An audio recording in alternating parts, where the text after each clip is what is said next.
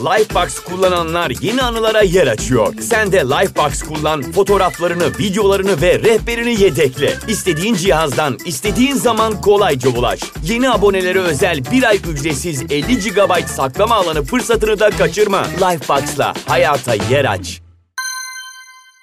Yıldızları ve göklerdeki sonsuzluğu fark edin. O zaman hayat neredeyse büyülü gözüküyor. Herkese merhaba arkadaşlar. Belleğin lambasına hoş geldiniz. Ben Eda. Van Gogh'un dramatik hayat hikayesini, sanat tarihindeki önemini, sanatını ve sanat anlayışını, deliliğini ve kulağını neden kestiğini anlamaya çalışacağız. Hazırsanız başlıyoruz.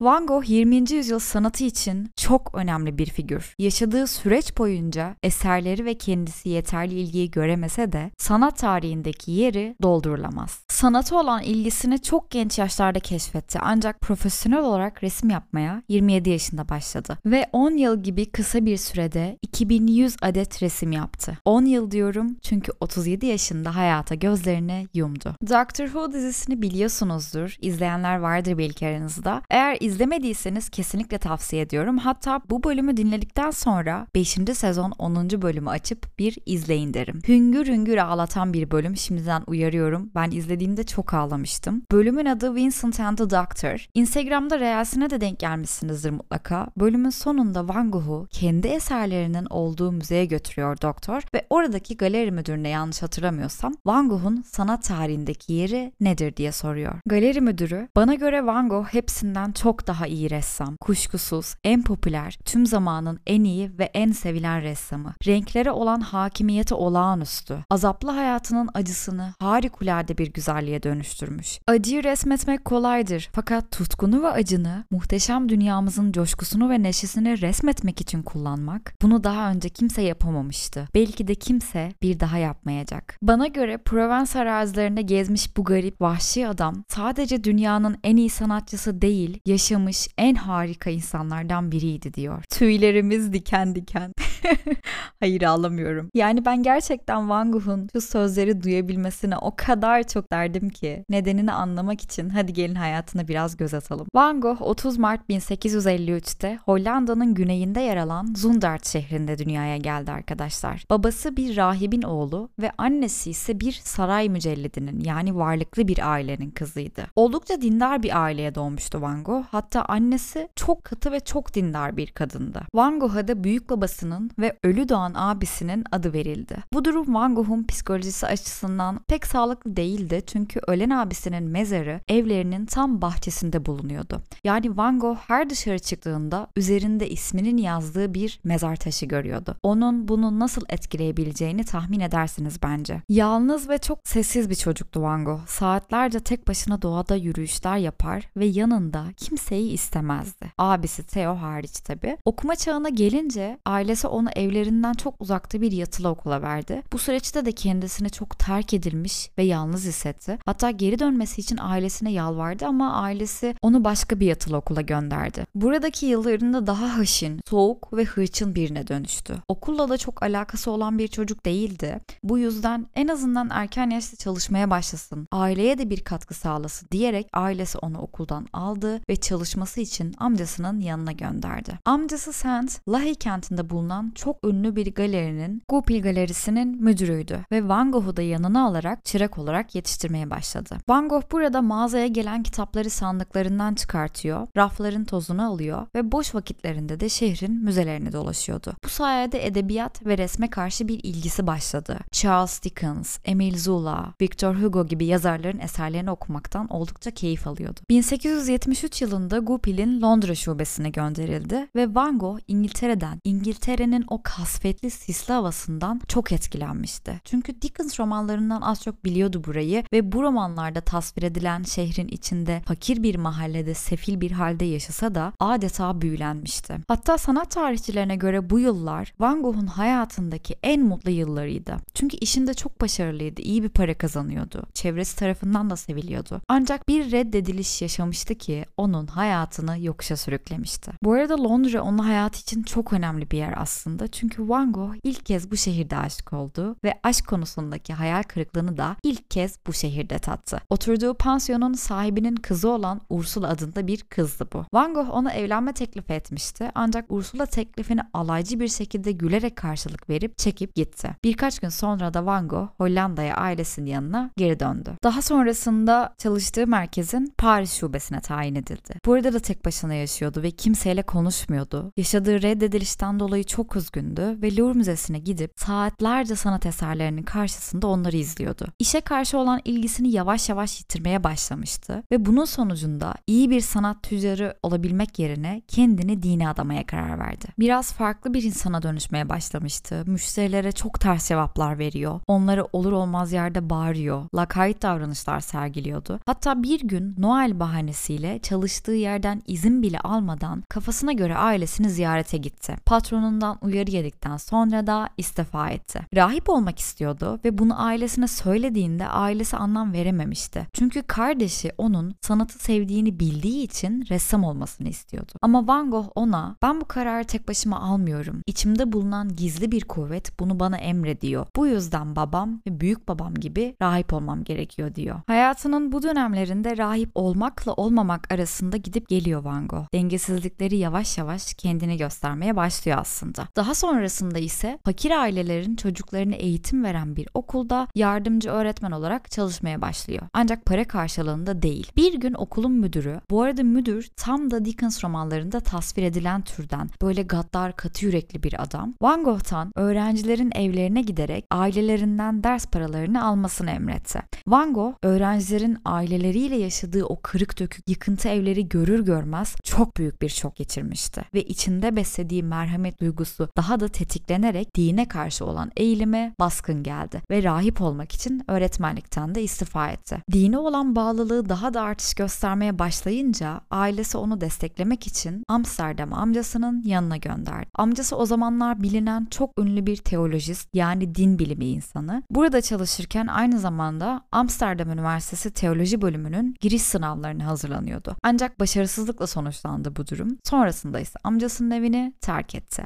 1879 yılında 26 yaşında Belçika'da bulunan bir köyde misyoner olarak çalışmaya başladı. Burada kömür madeni ocakları bulunuyordu ve çalışan maden işçileri de burada kalıyordu. Madencilerin çalışkanlıkları, yaşadıkları o zor hayat şartları Van Gogh'u çok etkiledi ve onların neler çektiğini anlamak için kilisenin ona vermiş olduğu o konfor içindeki yaşamı bırakarak yatağı bile bulunmayan bir kulübede kalmaya başladı. Aldığı paraları bile bu civardaki insanlara dağıtıyordu. Resmen varlık içinde sefaleti seçmişti o insanları anlamak için. Babası onun bu halini öğrendiğinde ise onun ya eve dönmesini ya da eve dönmeyip bir akıl hastanesine yatması gerektiğini söyledi. Van Gogh bir süre sonra bu civarda resim yapmaya başladı. Kömür madenlerinin olduğu yerdeki insanları, etrafındaki manzaraları gözlemleyip çizmeye başladı. Bu süreçte kardeşiyle de mektuplaşıyordu ve kardeşi ona mektuplarında sanatçı olması için baskı yapıyordu ve ona artık finansal açıdan yardım etmeye başladı. İşte tam bu noktada Van Gogh kardeşinin tavsiyelerini dinleyerek kardeşinin de desteğiyle akademiye yazıldı. Burada biraz resim tekniği ile ilgili kendini geliştirdikten sonra sıkıldı ve ailesinin evine Eton'a geri döndü. Ancak döndükten sonra da sıkıntıları arttı. Çünkü aşık olmuştu. Ailesini ziyarete gelen ve kuzeni olan Cornelia Key adında tek çocuklu bir kadındı bu. Bu arada bazı kaynaklarda kadının dul olduğu, bazılarında ise boşandığı söyleniyor. Birlikte vakit geçiriyorlardı ancak Van Gogh'un ailesi onun bu aşkını doğal olarak çok sert karşılamıştı. Van Gogh ailesine karşı çıkarak evlenme teklifi etti ama bu kızdan da ret yedi arkadaşlar. Bütün bu hayal kırıklarından sonra Van Gogh Dihik şehrine dönerek burada imrendiği iyi bir ressam olan kuzeni Anton Mou ile birlikte çalışmaya başladı. Van Gogh ondan ilk kez sulu boya ve yağlı boya tekniklerini öğrendi. Ancak günlerden bir gün aralarında bir tartışma çıktı ve Van Gogh kuzeninin atölyesinde bütün çalışmalara zarar verdi ve böylelikle yollarını ayırdılar. Burada resim çizmek için profesyonel modeller tutamıyordu çünkü parası yoktu. Bu yüzden sokaktan geçen insanları model olarak kullanmaya başladı. Hatta bir gün Christine adında bir alkolik hayat kadınını yanına alarak onunla beraber yaşamaya başladı. Böylelikle onun resimlerini de çizebilecekti. Ama gelin görün ki alkolik hayat kadını başka bir adamdan hamile kalmıştı. Ve çocuk doğduktan sonra Van Gogh onlara bakabilmek için bir dilenci gibi kapı kapı dolaşarak resimlerini satmaya çalışıyordu. Ancak kadın Van Gogh'un zar zor sattığı resimlerin parasını yine alkole yatırıyordu. Bu durumu öğrenen babası kadını bırakması için artık baskı yapmaya başladı ve en sonunda Van Gogh babasını dinleyerek Christine yollarını ayırdı ve ailesinin yanına geri döndü. Babası bu sıralarda Nünen'de rahiplik görevi yapıyordu ve Van Gogh da orada bulunan bir kilisenin çatı katını atölyeye dönüştürüp orada yaşamaya başladı. Burada da fakirlik içinde yaşıyordu ancak resim yapmaya devam etti. Hatta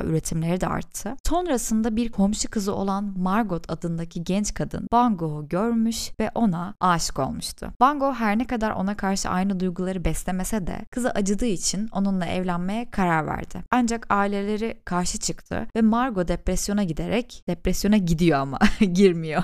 depresyona girerek intihara teşebbüs etti. Ancak teşebbüsü başarılı olmadı. Aynı yılın Mart ayında babasını da kaybetti kalp krizinden ve paletindeki renkleri değişmeye başladı. Daha toprak tonlarında, daha koyu tonlarda resimler üretmeye başladı. Bu süreçte davranışlarındaki dengesizlik de gitgide artıyordu. Hatta öyle ki bulunduğu bölgenin Katolik Kilisesi'nin baş rahibi cemaatine bağlı bütün kızları Van Gogh'a modellik etmemeleri konusunda uyarıda bulundu. Bunun üzerine Van Gogh model bulamayınca atölyesine tek başına çalışmaya başladı. Burada yaptığı resimlerin konuları genellikle aynı. Köy hayatından sahneler, işte günlük kullanılan eşyalar, natürmortlar, yağmurlu manzaralar. Bu arada burada yaptığı çok önemli bir resim var. Patates yiyenler adlı resmi. Çünkü bu resim ekspresyonizmin öncüsü olarak kabul edilen bir resim. Hani ekspresyonizm bölümünde bahsetmiştim. Van Gogh'un da etkileri vardı akımın başlamasında. İşte o resim bu resim. O dönemde bu şekilde kabul edilmedi tabii ki. Resimlerini satamıyordu. Hatta bir mektubunda kardeşi Theo'ya sinirlenmişti. İşte benim resimlerimi Paris'te satmak için çabalamıyorsun diye. Ancak kardeşi renk üslubu konusunda kendisini uyardı. Vincent renklerin çok koyu, açman lazım yazıyordu. Bunun nedeni o dönemde post-empresyonizmin yani art izlenimciliğin kabul görmüş olması aslında. Renkler daha canlı, daha parlaktır.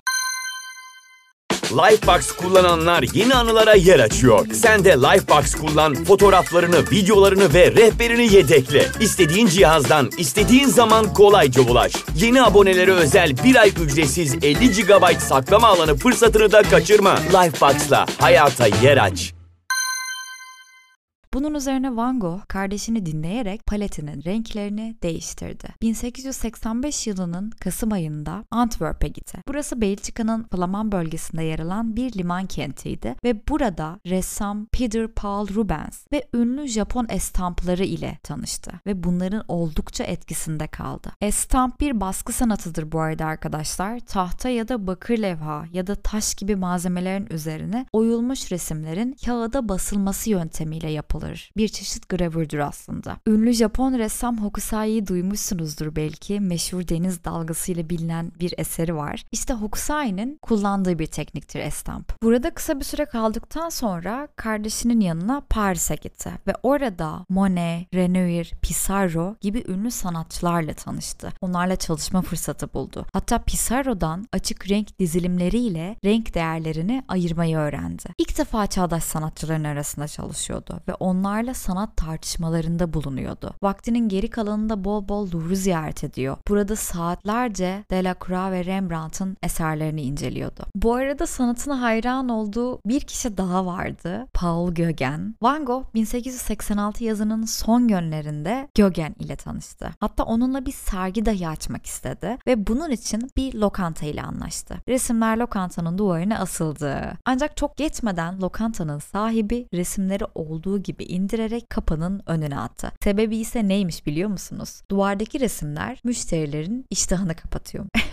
Bu durum tabii ki Van Gogh'un motivasyonunu oldukça düşürdü ve hevesini kırdı. Kardeşine de çok fazla yük olmamak için Paris'i terk ederek Arles'e taşındı. Van Gogh'un burada çok ünlü bir evi vardır arkadaşlar. Sarı Ev diye bilinir. E, hatta Sarı Evi resmettiği bir e, tablosu var belki biliyorsunuzdur. Arles, Van Gogh'un hayatında dönüm noktası gibi bir şey bu arada. Çünkü Çünkü burada geçirdiği süre hayatının en önemli bölümünü içeriyor. Burası çok güzel, çok şirin bir güney kasabası. Van Gogh burada doğada uzun yürüyüşler yapıyor, bol bol üretim yapıyor, saatlerce manzaraları seyrediyor. An Eternity's Gate diye bir film var bu arada, Sonsuzluğun Kıyısında diye. İşte Van Gogh'un burada yaşadıktan sonraki hayatını anlatıyor. Tavsiyem olsun bu da. Theo'ya yazdığı bir mektupta ağaçların çiçek açma mevsimi öyle kısa ki bu harikulade tabiat olayı ile nasıl yarışacağımı bilemiyorum diyor. Burası onun için yepyeni bir dünya aslında. Bütün gününü dışarıda geçiriyor. Ona öyle ilham verici geliyor ki paletindeki renkler bile değişiyor. Artık sarılar, maviler, canlı eflatunlar görüyoruz bu dönemki resimlerinde. Ruh hallerini sadece renklerle ifade eden bir sanatçı gibidir Van Gogh.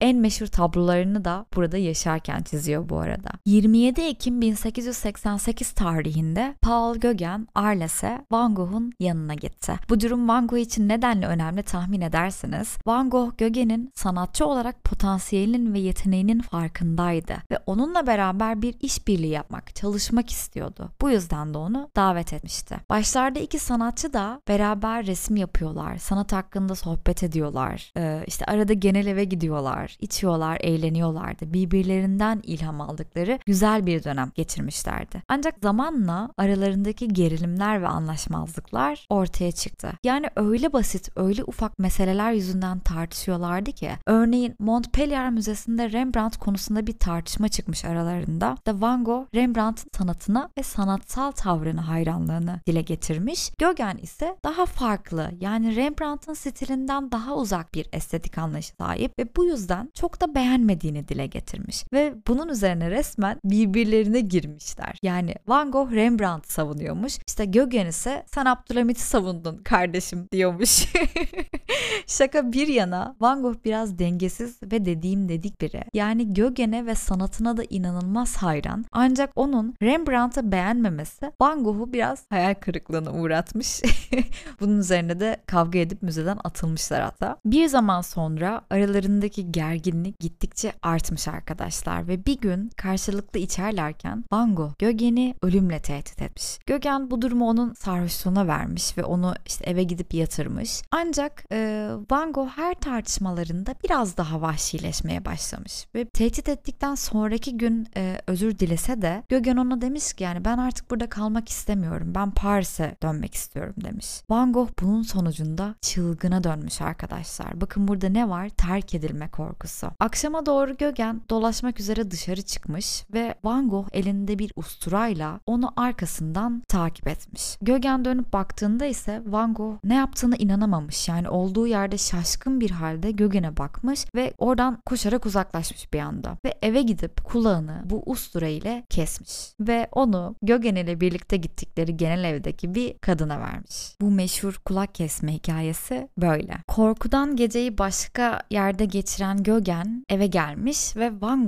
baygın bir halde kanlar içinde yatarken bulmuş. Hastaneye kaldırıldıktan sonra cinnet teşhisi koyulmuş ve iki hafta gibi bir süre boyunca bu hastanede kalmış. Bu arada Gauguin hastanenin dışında ondan haber alıyormuş ancak benim burada olduğumu söylemeyin, diyemi söyleyin direktiflerinde bulunmuş ve iyi olduğunu öğrendikten sonra da şehirden ayrılmış ve bir daha hiç görüşmemişler. Taburcu olduktan sonra evine döner dönmez meşhur bandajlı kulağıyla otoportre resmini yapıyor Van Gogh. Bu resimle ilgili şöyle bir şey yazıyor kardeşine mektupta. Yaşayan bir ölüye benziyorum.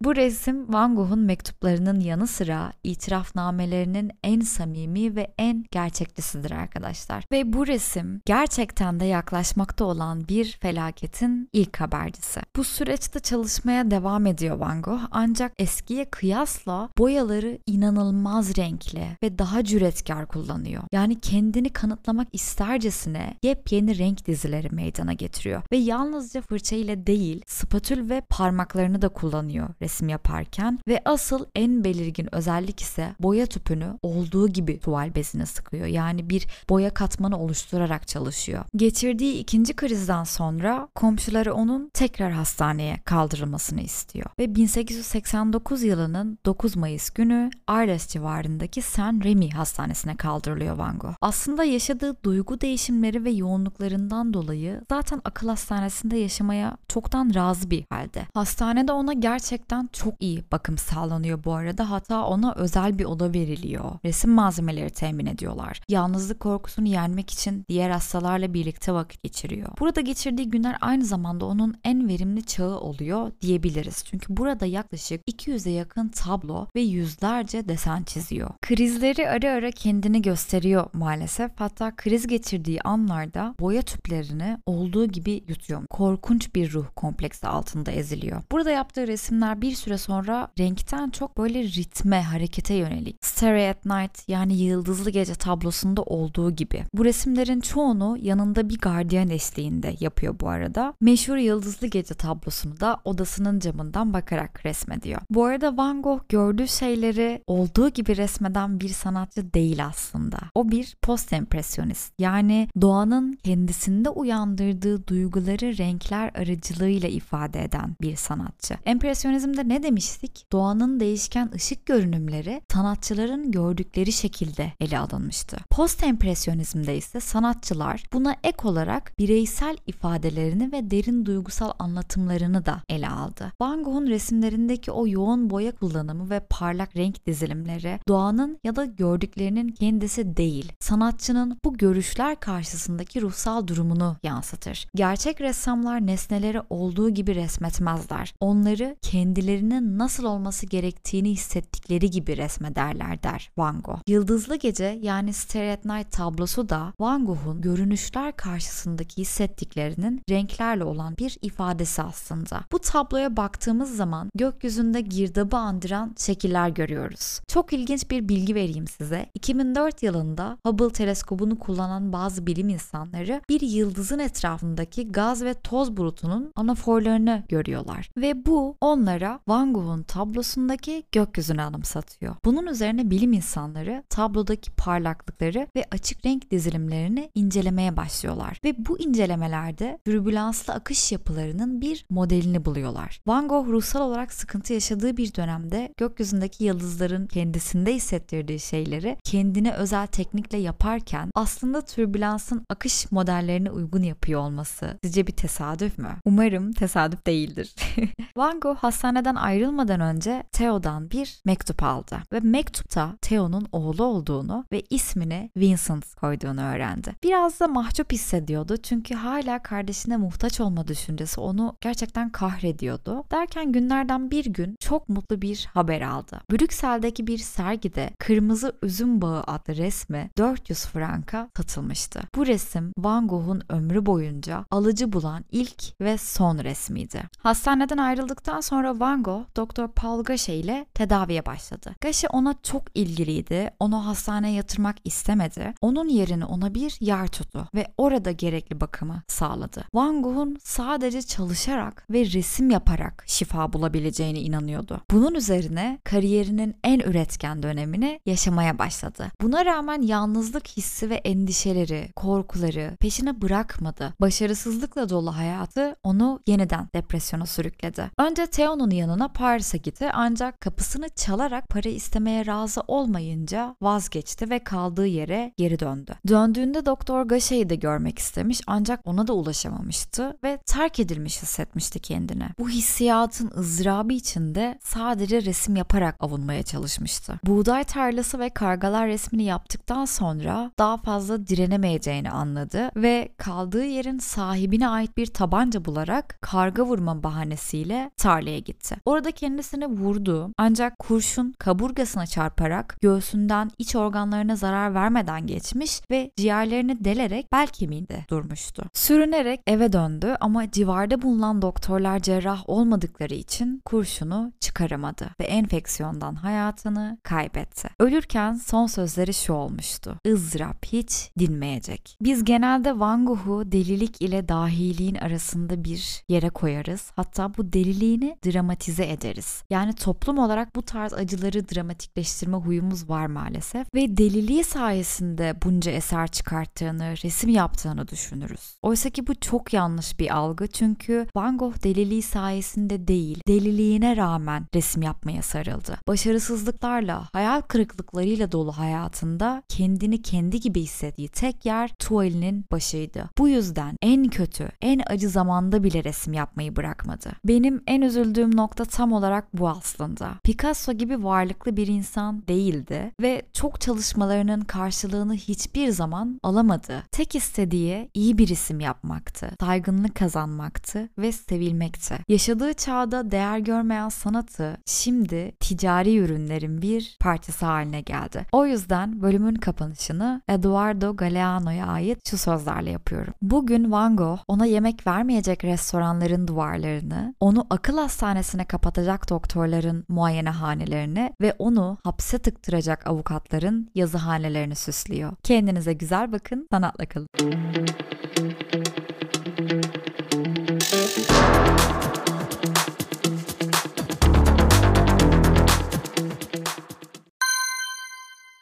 Lifebox kullananlar yeni anılara yer açıyor. Sen de Lifebox kullan, fotoğraflarını, videolarını ve rehberini yedekle. İstediğin cihazdan, istediğin zaman kolayca ulaş. Yeni abonelere özel bir ay ücretsiz 50 GB saklama alanı fırsatını da kaçırma. Lifebox'la hayata yer aç.